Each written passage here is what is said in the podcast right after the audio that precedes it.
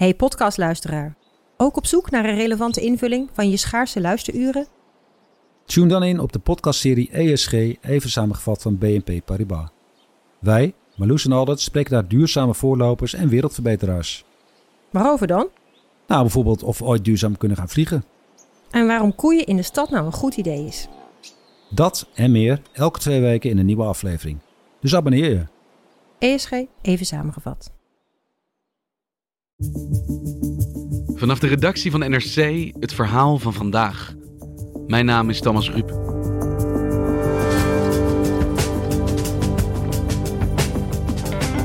Op 2 juni werd de Duitse politicus Walter Lübke voor zijn deur doodgeschoten. Gisteren legde de verdachte een bekentenis af. Hij blijkt afkomstig uit neonazistische kringen. Ook andere politici worden met de dood bedreigd. Heeft Duitsland het gevaar van extreem rechts te lang onderschat?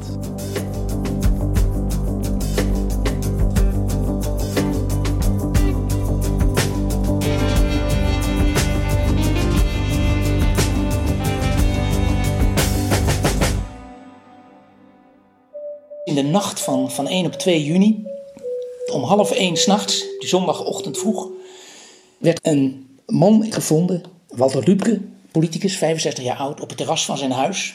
Jurt IJsvogel is correspondent in Duitsland voor NRC. Uh, is hij daar door zijn zoon aangetroffen met een schotwond in zijn hoofd. Die Ermittlungsergebnisse deuten darauf hin, dass die Schusswaffe aus nächster Nähe abgefeuert wurde. Wer den Schuss abgefeuert hat und warum, sind Fragen, auf die die Ermittler noch keine Antwort haben. De man is snel naar het ziekenhuis gebracht. Uh, daar is hij snel overleden. En daar bleek dat hij inderdaad uh, van dichtbij beschoten was. Wat er precies gebeurd was, wist men niet. Maar ook niet wat de achtergrond was. Was het politiek? Was het iets in de zakelijke sfeer, in de privésfeer? Uh, dat was aanvankelijk onduidelijk. Maar een politicus die is voor zijn eigen huis door zijn hoofd geschoten is. Ja, ja, ja. En niet alleen dat. Maar hij bleek dus ook al heel lang bedreigingen te hebben ontvangen. En ernstige bedreigingen. En met name in de vluchtelingencrisis. Hij was verantwoordelijk voor de opvang van vluchtelingen in het noorden van Hessen. Uh, in die vluchtelingencrisis is hij heel erg onder vuur komen te liggen. Hij verdedigde het beleid van Angela Merkel. Ik sage ganz einfach, Deutschland ist ein starkes Land. Und die, das Motiv, in dem wir an diese Dinge herangehen, muss sein, muss sein, wir haben so vieles geschafft, wir schaffen das. Hij heeft daar een keer op een avond in een grote zaal met allemaal boze bewoners uh, moeten rechtvaardigen waarom daar een vluchtelingenopvang in hun plaats kwam. En op een gegeven moment heeft hij toen gezegd: uh, Hoor eens, dit zijn christelijke principes waar we voor staan uh, in dit land. De opvang van mensen in nood. Uh, dat vind ik belangrijk. Ik heb bewondering voor de, voor de vrijwilligers die dat doen. En, en, wij horen dit als land te doen. En als je dat niet kan verkroppen, dan kan je dit land ook verlaten. Dan staat je vrij. Da muss man für Werte eintreten und wer diese Werte nicht vertritt, der kann jederzeit dieses Land verlassen, wenn er nicht einverstanden ist. Das ist die Freiheit eines jeden Deutschen. Nou, die uitspraak die werd daar met, met geloei ontvangen in de zaal.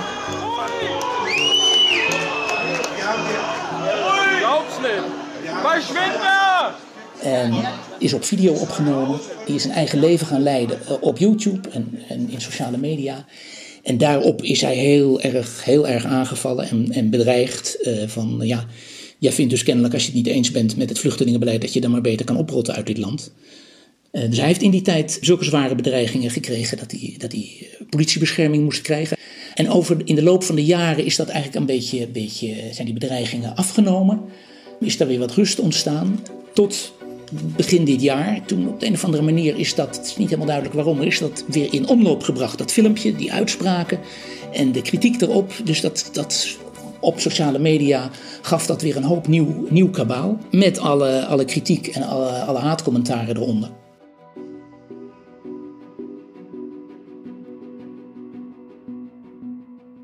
En door wie werd dat in omloop gebracht? Door mensen die heel kritisch waren over de opvang van de vluchtelingen.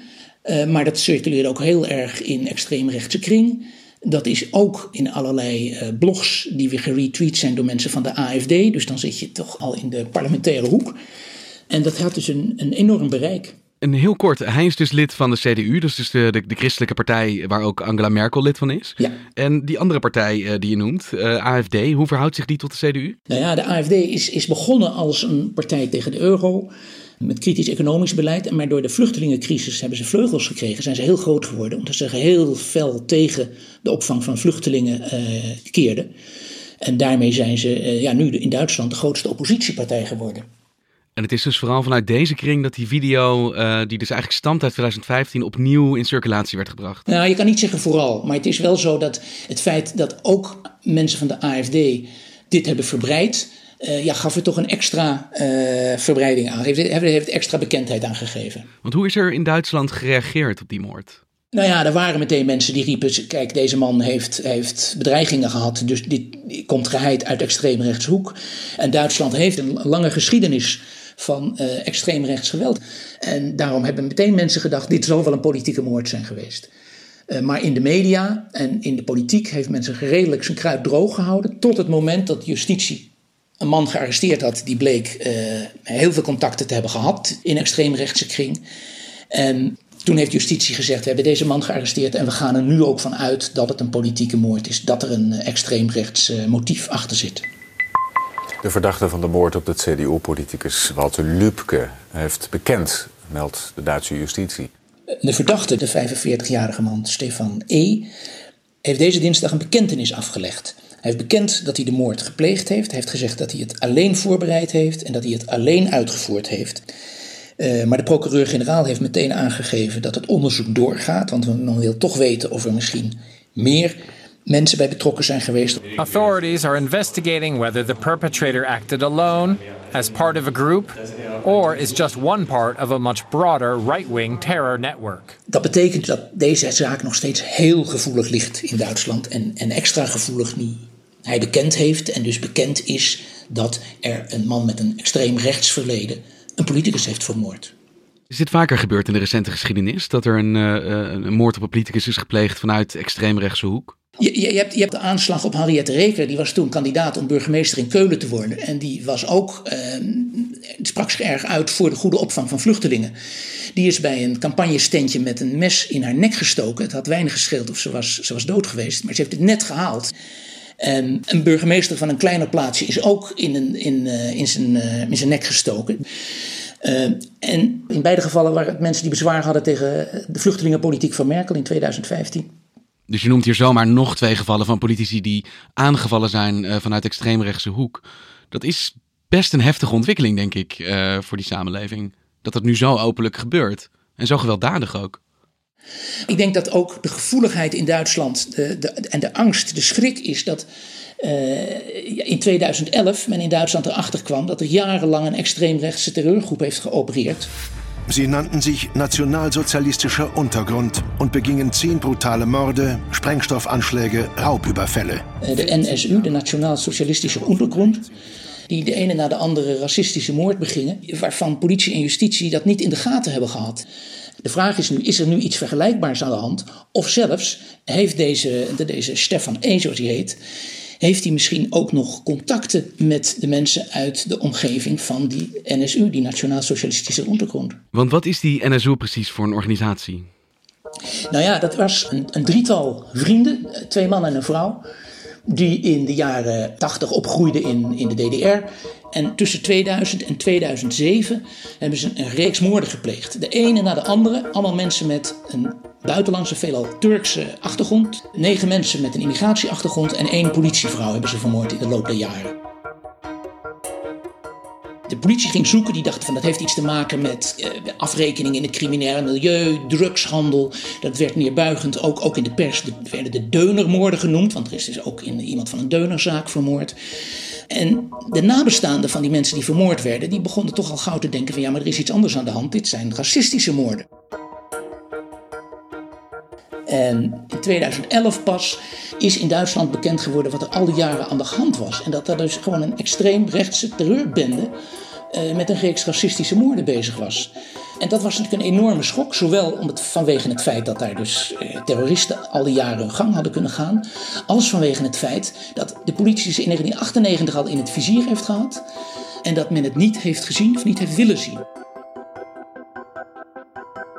En de rol van de binnenlandse veiligheidsdiensten was hier ook heel opmerkelijk. Want meteen nadat dus bekend was dat er deze terreurgroep was, is er bij de veiligheidsdiensten een aantal dossiers meteen door de papiermolen gehaald. En men vermoedt dat dat ermee te maken heeft dat er uh, informanten waren van de Binnenlandse Veiligheidsdienst in dat extreemrechtse milieu, aan wie anonimiteit was beloofd. En dat die veiligheidsdiensten ja, wilden staan voor hun woord en dus niet wilden dat die informanten geopenbaard zouden worden.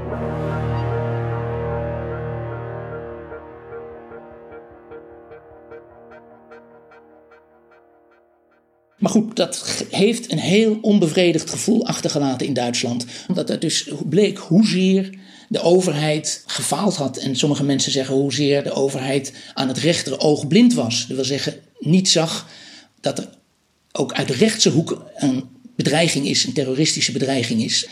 En daardoor dus uh, ja, misschien moorden had kunnen voorkomen als ze eerder die bende hadden opgerold.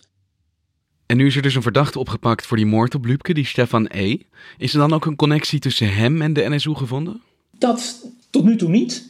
Het enige is dat de man die nu gearresteerd is, die komt wel voor in documenten over de NSU. Er zijn, er zijn allerlei mensen verhoord die contacten hebben in het extreemrechtse criminele milieu. Uh, en daar is op een gegeven moment ook een vraag gesteld uh, over deze Stefan E. En verder is er op zich niks in die papieren niks belastends. Maar het feit dat zijn naam opduikt in die, in die NSU-dossiers, dat, dat voedt natuurlijk wel de angst dat het zo zou kunnen zijn dat hier nog steeds uh, ja, oude netwerken uh, nog steeds actief zijn. En er zijn mensen, zoals onder andere de, de stichting Amadeo Antonio. Uh, dat is een stichting die zich bezighoudt met, met extreemrechts geweld en hoe zich dat in de democratie ontwikkelt. Ehm, met een aantal journalisten heb ik eh, deze week gesproken met de eh, directeur daarvan, Timo Rijnfrank. En die zegt. Also aus unserer Sicht is het in principe een voortzetting der NSU-moord. In feite, wat we hier zien, dat is de voortzetting van de NSU. Hij zegt: dit is een netwerk, en dat wordt enorm onderschat.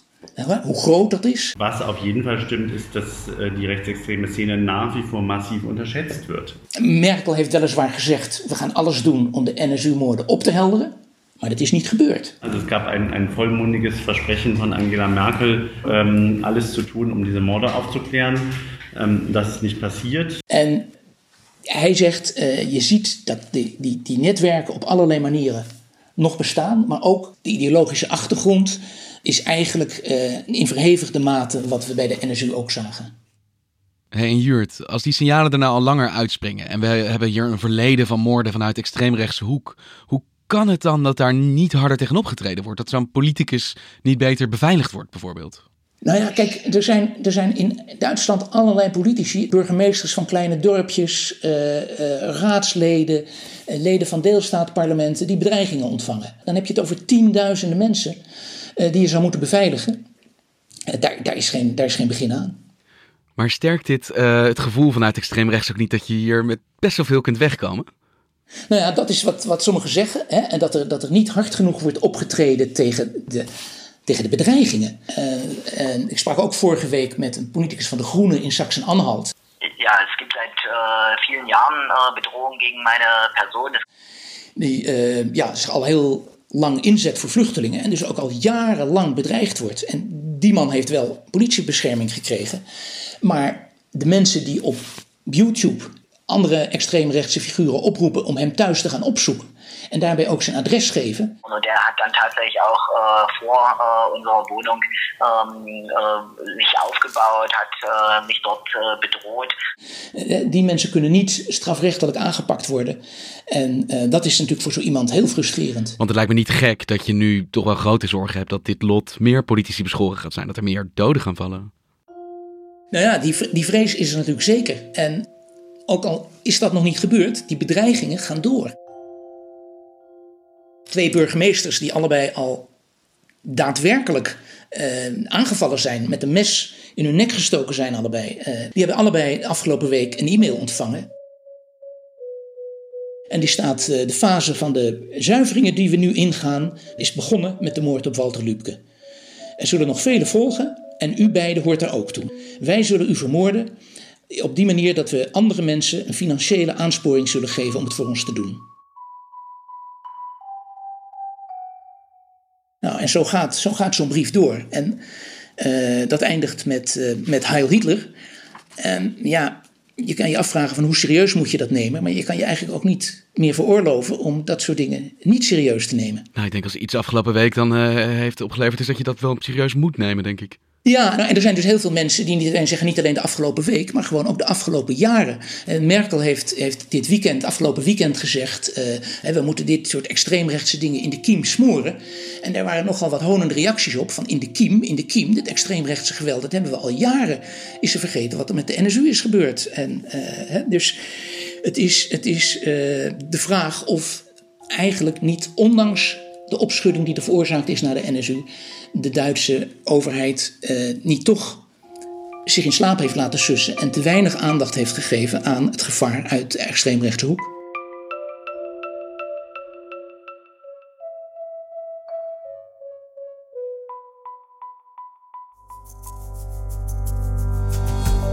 Je luisterde naar vandaag, een podcast van NRC. Eén verhaal, elke dag. Dit was vandaag, morgen weer.